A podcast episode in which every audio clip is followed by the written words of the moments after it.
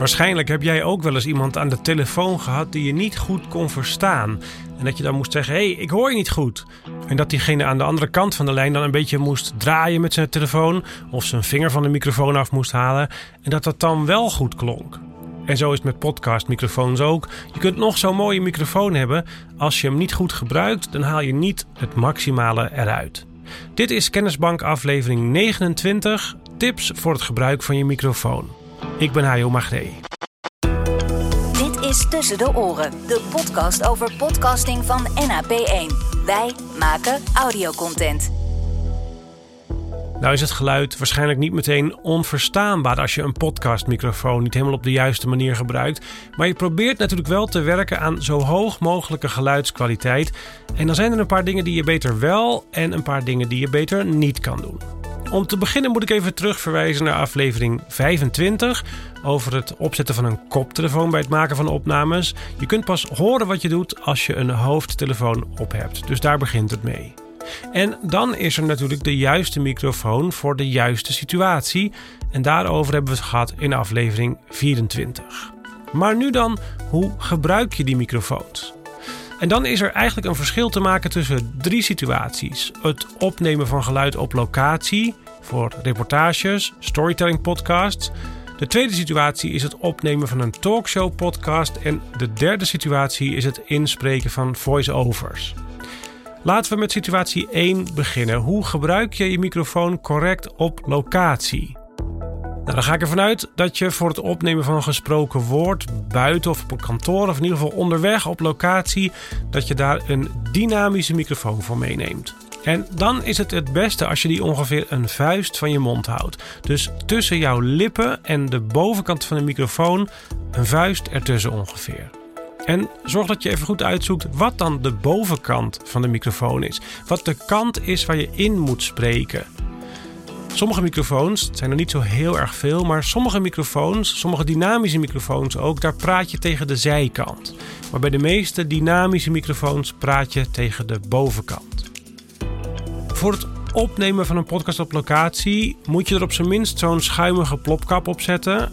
Maar zodra je buiten bent en er iets meer wind is, kan ik je eigenlijk aanraden om er zelfs zo'n dead cat overheen te schuiven. Zo'n harige, pluizige bol. Zoom heeft er één en Reude heeft er ook één. En er zijn nog veel meer merken die zo'n pluizige bol verkopen. Een ander ding waar je buiten of bij het opnemen van storytelling podcasts goed op moet letten, is iets dat handling noise heet. De geluiden die je produceert door de microfoon of het apparaat te bewegen en vast te houden.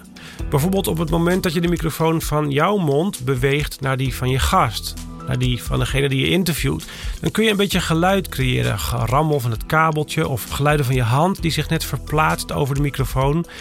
En dat zijn geluiden die ik als podcastmaker altijd wil vermijden, omdat ze er niet in horen. Je hoort niet het geluid opnemen van het apparaat waar je mee opneemt.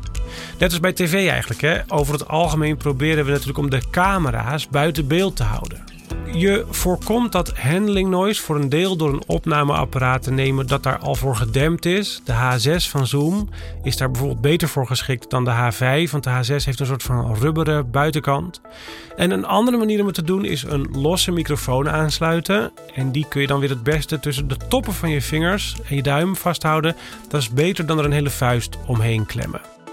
Wat ik voor locatieopnames ook nog wel eens doe, is twee microfoons gebruiken. Bijvoorbeeld de microfoon op mijn opnameapparaat voor mijn eigen mond houden. En dan heel goed stil gaan staan. En een losse microfoon voor de gast, voor de spreker. En die zet ik dan wel eens op statief. Zeker bij corona. Dan kun je ook wat makkelijker afstand houden. En dan regisseer ik mijn gast dus zo dat hij of zij ongeveer een vuist van die microfoon afstaat. En dan willen ze wel eens achteruit stappen. En dan zeg ik nee, nee, dichterbij blijven. Dan wil je op locatie vaak ook nog omgevingsgeluid opnemen. Dan kun je dus, hebben we het eerder over gehad, een omnidirectionele microfoon nemen. Maar ik doe het altijd los, achteraf nog een keer. En meestal gebruik ik daar dan een stereomicrofoon voor. En dat zijn vaak vrij gevoelige microfoons. In mijn geval is dat een XI-paardje, dus twee microfoontjes in een soort van kruisopstelling. En dat zijn zelfs condensatormicrofoontjes. En die zijn ontzettend windgevoelig en ook nogal gevoelig voor handling noise. Dus bij het opnemen van general noise met zo'n stereomicrofoon zet ik het opnameapparaat op de grond, of op een bankje of een tafel of op statief. En dan zorg ik dus dat ik het niet vast heb. En dan neem ik vijf minuten los achtergrondgeluid op. Met zo'n harige bol eroverheen natuurlijk. Zodat ik ook geen wind pak. En vijf minuten lijkt erg lang. En ik zal je vertellen, ik ging dan wel eens die vijf minuten gebruiken om even mijn social media te checken. En toen had ik zelfs die vijf minuten nog verprutst, omdat je me dan toch hoorde bewegen. Je hoorde mijn kleding, mijn jas. Hoorde... Dus als je dat doet, loop er even 100 meter bij weg. Neem dan vijf minuten op en loop dan weer terug. Of je moet gewoon stokstijf stil blijven staan. En dat is echt lang, kan ik je vertellen. En voor het voorkomen van handling noise tijdens het lopen heb ik mijn recorder ook nog eens voorzien van een handvat. Dus ik heb niet de recorder vast, maar een extern handvat. En de verbinding tussen dat handvat en de recorder, daar heb ik een soort van shock mount tussen gemaakt. En die komt eigenlijk uit de fotografie- en videowereld. Dus um, dit soort uh, knutseltjes, die je dan ertussen moet maken, die kun je vaak ook vinden door even te zoeken in de fotografieafdeling van sommige webshops. Oké, dat was dus situatie 1, het opnemen van geluid buiten. Dan het opnemen van een talkshow podcast, situatie 2. Dan heb ik in aflevering 27 al uitgelegd dat ik dan dus altijd statieven gebruik. En in mijn geval heb ik een voorkeur voor vloerstatieven. En ook bij zo'n talkshow-podcast gebruik ik dynamische microfoons om zo min mogelijk ruimteakoestiek op te pikken. En ik leg mijn gasten dan dus uit dat ze er een vuist van af moeten zitten. En dan is het ook hier weer een kwestie van goed opletten dat ze dat ook doen en dat je het zelf ook blijft doen. En dat is lastiger dan je denkt als jij eigenlijk op de inhoud aan het letten bent. Ik zet mijn gasten meestal zelf ook een koptelefoon op, zodat ze het zelf ook goed kunnen horen als ze te ver naar achteren gaan zitten en hun geluid dus te zacht wordt. En verder let ik er bij talkshow podcasts op dat ik niemand met zijn rug vlak voor een glazen wand zet. Want dan krijg je namelijk hele nare reflecties in het hoog. Ringing noemen ze dat wel eens. En als je de kans hebt en de ruimte zich ervoor leent, probeer je sprekers dan niet te dicht bij elkaar aan tafel te zetten.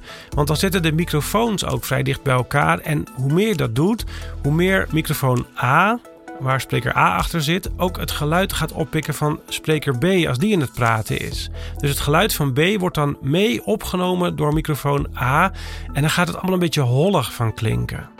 Dus als je de kans hebt, zet ze wat verder uit elkaar. Dan heb je minder last van die bleed, zoals dat heet. Maar ja, je kunt dat niet helemaal voorkomen. Een beetje bleed heb je altijd wel. Want als je dat echt wil minimaliseren, dan moet je je sprekers meters uit elkaar gaan zetten. En dan is het niet zo'n heel gezellig gesprek meer. En dan de derde situatie, het opnemen van voice-overs. Dat is een situatie waarbij ik me kan voorstellen dat je dus geen dynamische, maar juist een condensatormicrofoon gebruikt. Als je wel een dynamische hebt, dan dus weer die vuist. En als je een condensatormicrofoon hebt, dan moet je er wat verder vanaf gaan zitten. Dan ongeveer de afstand tussen het puntje van je duim en het puntje van je pink. Als je je hand helemaal spreidt. Dat is de goede afstand over het algemeen voor een condensatormicrofoon. En het wordt bij zo'n condensatormicrofoon, die zijn dus gevoeliger voor details, wordt het ook belangrijker dat je erop gaat letten dat je geen pace en bass creëert, geen plosives. En dat je smakgeluiden gaat voorkomen, mondgeluiden. Die mondgeluiden, dat smakken, dat kun je sowieso voorkomen door veel te drinken. Ehm, maar weer niet vlak van tevoren. Dus over het algemeen gedurende de dag veel drinken en dan vlak van tevoren niet uh, een slokje water nemen en dan gaan inspreken. Maar over het algemeen hydrateren helpt er tegen. Um, en anders zijn er nog allerlei trucjes. Appel eten of kauwgom heb ik wel gehoord. Bij sommige mensen werkt het een, bij sommige mensen werkt het ander. En er zijn trouwens ook nog plugins om die smakgeluiden achteraf een beetje mee weg te werken. Maar je kunt het ook voorkomen door niet te dicht op de microfoon te gaan zitten. En plosives en smakgeluiden worden ook minder met nog twee uh, oplossingen. De ene is een beetje off-axis opnemen. Dus niet recht van voren in die microfoon praten, maar een heel klein beetje schuin. Um, of je draait de microfoon iets. Een graad of 10 tot 15. Niet 45 graden schuin, niet 90 graden, maar gewoon ietsje schuin erin, dan verminder je die plosives al uh, heel aardig. En dan dus zelf iets erlangs praten. En in plaats van een plopkap, zo'n schuime ding, of een dead cat, zo'n harig ding, doe je bij een condensatormicrofoon iets eerder zo'n schermpje. Een soort van uh, stalen cirkeltje met een soort van panty ertussen. Maar dan in het zwart over het algemeen. En die moet ook weer nou een centimeter of tien van de microfoon af. En dat werkt als een plopkap, maar dan met minder verlies aan detaillering. En verder is het een kwestie van experimenteren, experimenteren, experimenteren, experimenteren. Je kunt dit eigenlijk alleen maar onder de knie krijgen door heel veel opnames te maken en heel kritisch terug te luisteren. En dan moet je jezelf dat microfoongebruik uiteindelijk zo eigen maken dat je het moeiteloos kan toepassen terwijl je met de inhoud van je podcast bezig bent. Net zoals een fotograaf eigenlijk, een echte professionele fotograaf, die kan zijn camera, sluitertijd, en diafragma en focus en zo allemaal bedienen zonder na te denken, moeiteloos. En dan hoeft hij ter plekke alleen nog maar te kijken naar het juiste kader en het juiste afdrukmoment. En dat is wat je met podcasting of met microfoongebruik ook wil. Het moet in je systeem zitten, zodat je je tijdens het opnemen uiteindelijk op de inhoud kan focussen. Dat was het. Je kunt de informatie uit deze aflevering ook terugvinden in de podcast Kennisbank op onze website. Dit was Tussen de Oren van NAP1. Wij maken audiocontent. NAP1.nl